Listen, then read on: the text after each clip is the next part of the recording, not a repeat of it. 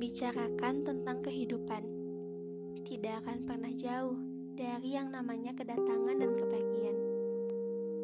Apa kalian pernah bertanya, mengapa sesuatu itu datang lalu pergi?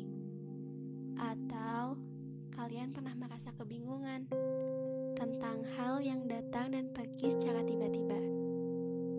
Seperti halnya putih yang selalu disandingkan dengan hitam, begitu pula dengan kedatangan.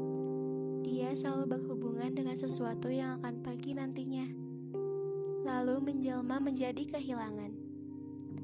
Sebenarnya, ini sudah menjadi hal yang lumrah dalam kehidupan. Seseorang bisa saja datang secara tiba-tiba tanpa kita duga sebelumnya, atau seseorang bisa juga pergi tanpa sebuah aba-aba. Saya sendiri masih belum tahu harus mengekspresikan keduanya dengan bagaimana. Misalnya, tentang kedatangan seseorang yang tiba-tiba. Apa saya harus merasa senang?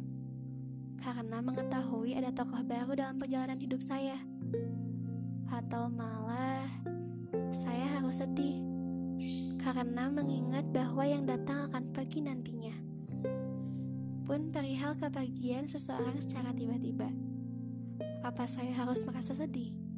Karena ditinggalkan oleh salah satu tokoh atau malah saya harus senang karena setelahnya saya akan kedatangan tokoh baru dalam hidup saya. Andai saja waktu bisa kita kendalikan, mungkin saya bisa saja menentukan kapan tokoh itu datang dan pergi. Sama seperti halnya sebuah keberangkatan kereta. Yang saya tahu pasti, pukul berapa tiba di stasiun dan pergi untuk digantikan kereta lainnya. Tapi, kalau dipikir-pikir lagi, sebenarnya kita tidak perlu mempermasalahkan tentang kedatangan dan kepergian. Karena itu sudah menjadi paket hemat dari semesta yang tidak bisa ditawar. Itu cara kerja kehidupan kita tidak perlu ikut campur. Namun, ya namanya juga manusia. Sedikit hal yang keluar dari zona nyamannya selalu dicari tahu sebabnya. Padahal ya, gak apa-apa sedikit keluar dari zona nyaman.